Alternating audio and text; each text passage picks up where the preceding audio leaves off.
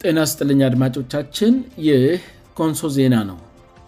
አሁን የዕለቱን አንኳር ዜና የምናቀርብበት ጊዜ ላይ ደርሰናል ዜናውን የማቀርብላችሁ የአቬሎናታይ ነኝ አብራችሁኑ ነው አርስ ዜናዎቹን በማስቀደም የዕለት ሐሙስ ግንቦት 25 ቀን 2014 አም አንኳር ዜናዎችን አሰማለሁ ጅንካ ዩኒቨርስቲ ለሚገቡ አዳዲስ ተማሪዎች በኮንሶ ዞን መዲና አቀባበልና ሸኝች ተደረገላቸው የፍርድ ቤት ዳኛን በኢስርያንገላቱ የቀድሞ የካራት ከተማ አስተዳደር ና የካራት ዙሪያ ወረዳ የጸጥታ አመራሮች ጉዳይ እስካአሁን ድረስ በፍርድ ቤት መታየት አለመጀመሩ ተገለጸ የኢትዮጵያ ኦርቶዶክስ ተዋሂዶ ቤተክርስቲያን ወደ ጦርነት የገቡ አካላትን ለማስታረቅ ጠየቀች ቱርክ ይፋዊ የሪፐብሊክ ስያሜዋን ቀየረች አሁን ዜናውን በዝርዝር አሰማለሁ ጅንካ ዩኒቨርሲቲ ለሚገቡ አዳዲስ ተማሪዎች በኮንሶ ዞን መዲና አቀባበልና ሽኝት ተደረገላቸው ጅንካ ዩኒቨርሲቲ ለሚገቡ አዳዲስ ገቢ ተማሪዎች በከራት ከተማ ደማቅ አቀባበልና ሽኝት መደረጉን የኮንሶ ዞን የመንግስት ኮሚኒኬሽን መስሪያ ቤት አስታውቋል ተማሪዎቹ የኮንሶ ዞን ዋና ከተማ ካአራት ከተማ እንደደረሱ የጅንካ ዩኒቨርስቲ ምክትል ፕሬዝደንት የሆኑት ዶር አለሙ አይለቴ የዞኑ አስተዳዳሪ አቶ ዳውት ገበየውእና ሌሎች የዞን ከፍተኛ የስራ ኃላፊዎች ተገኝተው ተማሪዎቹን እንኳን ደናመጣችሁ ብለው አቀባበል አደርገውላቸዋል አዲስ ገቢ ተማሪዎቹ ከተለያዩ የኢትዮጵያ አካባቢዎች ለትምህርት ወደ ጅንካ ዩኒቨርስቲ የተመደቡ ሲሆን የአካባቢውን የጸጥታ ሁኔታ ታሳቢ ባደረገ መልኩ ተማሪዎቹ ሰብሰብ ብለው በአንድ ላይ እንዲንቀሳቀሱ ለማድረግ በዶክተር አለሞ አይለት የሚመራ የአቀባበል አስተባባሪ ኮሚቴ ተዋቅሮ ተማሪዎቹ በአንድ ላይ ወደ ዩኒቨርስቲ እንዲንቀሳቀሱ ተደርጓል በአቀባበል ፕሮግራሙ ላይ በካራት ከተማ ውስጥ የሚገኙ ትምህርት ቤቶች ተማሪዎች በሙሉ መሳተፋቸውንና የከተማውም ህዝብ በከፍተኛ ቁጥር ወጥቶ ለተማሪዎቹ አቀባበልና ሸኘች ስለማድረጋቸው የኮንሶ ዜና የመረጃ ምንጮች ተናግረዋል የኮንሶ ዞን ዋና አስተዳዳሪ አቶ ዳዊት ገበዮ ተማሪዎቹን እንኳን እደናመጣችው ካሉ በኋላ በትምህርታቸው በርትተው ሀገራቸውን እንደሚያኮሩ ሙሉእምነት እንዳላቸው ተናግረዋል ለጥቀውም ተማሪዎቹ የትምህርት ዘመናቸው የተሳካ እንዲሆንላቸውም መልካምኞታቸውን ገልጸውላቸኋል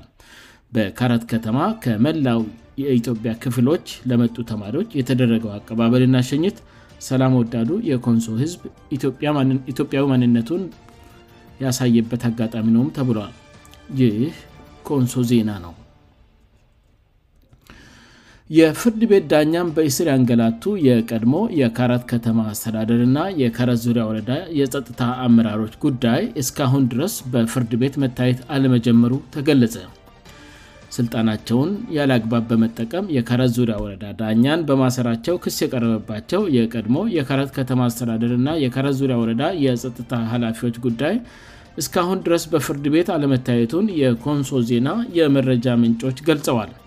የቀድሞ የካረት ከተማ አስተዳደር ጸጥታ ጽህፈት ቤት አላፊ አቶ ገዋዶ አያኖ የካረት ዙሪ ወረዳ ጸጥታ ጽፈት ቤት 2ላፊ አቶ ጉይታ ኩሴ የካረት ከተማ ፖሊስ ጽፈት ቤት ዋና አዛዥ ኮማንደር ማትዎስ ጉዮ የካረት ከተማ ፖሊስ ጽህፈት ቤት የስራ ባልደርቦች ረዳሳጅን ካሳይ ካርቶና ኮንስታብል መነሻ መምሄሩ የካረት ከተማ አስተዳደር ምክትል ሥራ አስኪያጅ አቶ ገዛሃኝ አይለዶእና የኮንሶ ዞን አስተዳደር ጽፈት ቤት የልማት እቅድ ባለሙያ የሆኑት አቶ ኩሴቱኮ የካረት ዙሪያ ወረዳ ፍርድ ቤት ዳኛን ማሰራቸው ጋር ተያይዘው ክስ ከተመሠረተባቸው በኋላ ጉዳያቸው በኮንሶ ዞን ከፍተኛ ፍርድ ቤት እንዳይታይ ለደቡብ ክልል ጠቅላይ ፍርድ ቤት አቤቱታ ማቅረባቸውን ከዚህ በፊት መዘገባችን ይታወሳል በዚህም መሠረት የደቡብ ክልል ጠቅላይ ፍርድ ቤት ጉዳያቸው በጋሞዞን ከፍተኛ ፍርድ ቤት እንዲታይላቸው በጠየቁት መሠረት ወስኖላቸው ነበር ይሁንና የጋሞዞን ከፍተኛ ፍርድ ቤት ጉዳዩን መመልከት ለመጀመር ለመጋቢት 3 ቀን 2014 ዓም ቀጠሮው የሰጠ ቢሆንም በዕለቱ ከሳሽ የኮንሶዞን አቃቢ ህግ የተገኘ ቢሆንም ከላይ በስም የተዘረዘሩት የወቅቱ የካራት ከተማእና የካራት ዙሪያ ወረዳ ባለሥልጣናት አለመቅረባቸው ታውቋል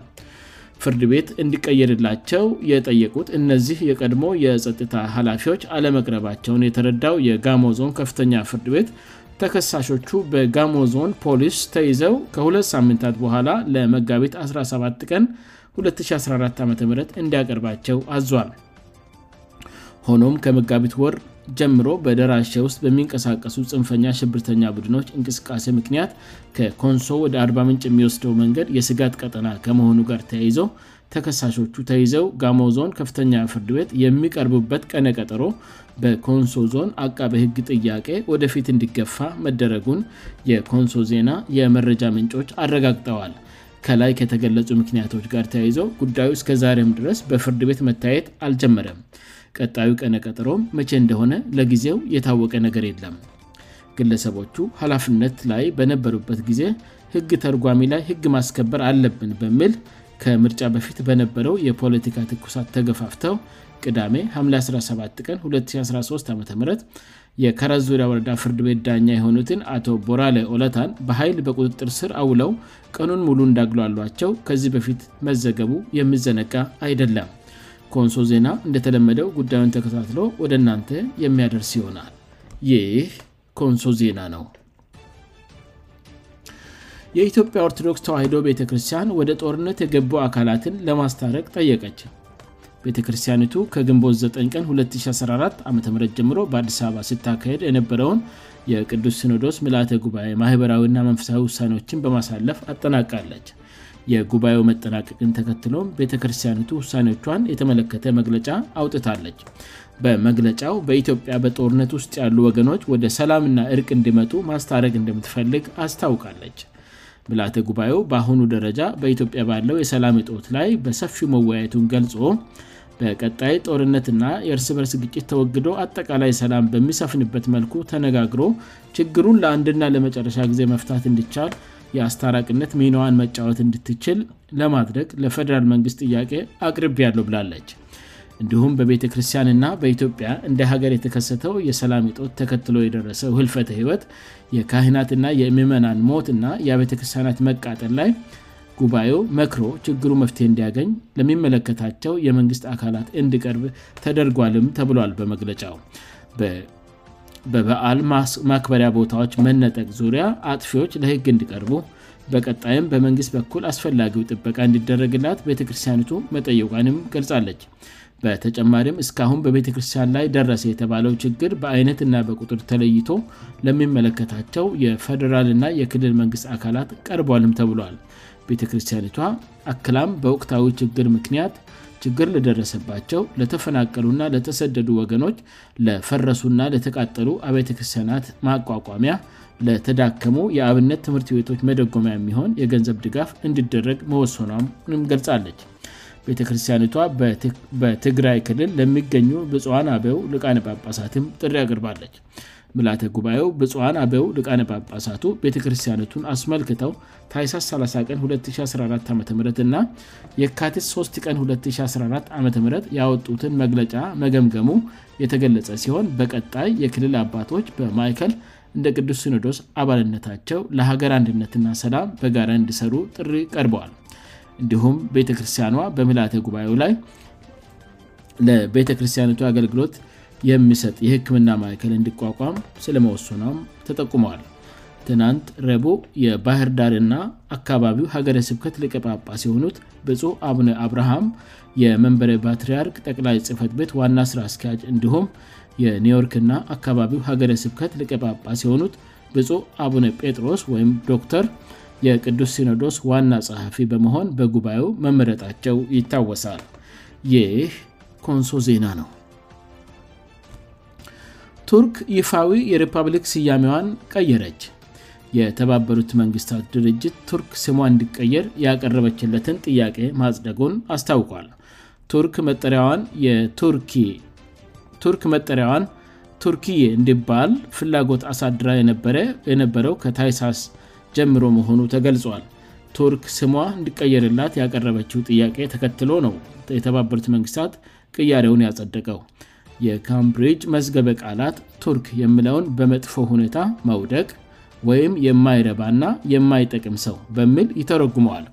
የቱርኩ ፕሬዝደንት ረስብ ጠይብ ርዶጋን ቱርክዬ ወይም ተርክዬ የምለው መጠሪያ የሀገሪቱ ህዝብ ስልጣነ ባህልና እሴት በዋናነት የሚገልጽእና የሚወክል ስም እንደሆነ አስታውቀዋል ሀገራትና ተቋማት አዲሱን ስም እንድጠቀሙ ጥሪ አቅርበዋል በገቱ ተመርተው ወደ ውጭ ሀገር የሚላቁ ምርቶችም በተርክዬ የተመረተ የሚል ጽሁፍ እንድኖርባቸው ታዟል የቱርክ ዜጎች በአድስ መልክ የቀረበውን መጠሪያ ቀደም ስል ይጠቀሙበት ነበር ተብሏል የቱርክ ውጭጉዳይ ሚኒስቴር መቭሎት ካፍሶግሉ ቱርክ ስሟ እንዲቀየርላት የተዘጋጀውን ደብዳቤ ለተባበሩት መንግስታት ማስረከባቸው ተሰምጠል የተባበሩት መንግስታት ድርጅት ቃል አቀባይ ስቴፈን ጆጃርችም ትናንት ከቱርክ የውጭ ጉዳይ ሚኒስትር የተላከ ደብዳቤ ለዋና ጸሐፊ አንቶኒ ጉተረስ መድረሱን አረጋግጠዋል አዲሱ የቱርክ ስያሜ ደብዳቤው ገቢ ከሆነበት እለት ጀምሮ ተግባራዊ እንደሚሆን ቃልአቀባዩ ገልጸዋል ሀገሪቱ የስም ለውጥ በማድረግ ለአለም ራሷን በአድስ መልክ ለማሳየት ከፍተኛ ፍላጎት እንዳላት ተገልጿል የቱርክ ውጭ ጉዳይ ሚኒስቴር መብሎት ካፍሶግሉ ይህንን የስም ለውጥ በተመለከተ የተዘጋጀውን ደብዳቤ ማክሰኞ ዕለት ለተባበሩት መንግስታት ድርጅት እና ለሌሎች ዓለም አቀፍ ተቋማት እንዲደርስ መደረጉን አስታውቀዋል የስመቀሩን ስራ ከሀገሪቱ የኮሚኒኬሽን ዳይሬክተሮች ጋር በመሆን በጥሩ መሠረት ላይ መዘጋጀቱን በደብዳቤው ተገልጿል በቱርክ ቋንቋ የሀገሪቱ መጠሪያ ቱርክዬ ሲሆን በእንግዝኛ ግን መጥፎ ትርጉም እንዳለው ይጠቀሳል ከሜራባውያን አገዛዝ በ923 ነፃ የወጣችው ቱርክ በምዕራባውያን ኦቶማን ስቴት ወይም ቱርክይ እየተባለ ትጠራ ነበር በ2018 ስዊዘርላንድ ስሟን ወደ ኤስዋቲኒ መቀየሯ የሚታወስ ሲሆን እንደ አውሮፓ አጠር ከ1935 በፊት ኢራን ፐርሻ ተብላ ትጠራ ነበር መቅዶኒያ ከግሪክ ጋር ባላት ውዝግብ ምክንያት ስያሜዋን ወደ ሰመን መቅዶኒያ ስትቀይር ታይላንድም ሲያም ዚምባዌ ደግሞ ሮደሻ በመባል ይጠሩ ነበር ይህ ኮንሶ ዜና ነው አድማጮቻችን ዜናውን ከማብቃት በፊት አርስት ዜናዎቹን በድጋሚ አሰማለሁ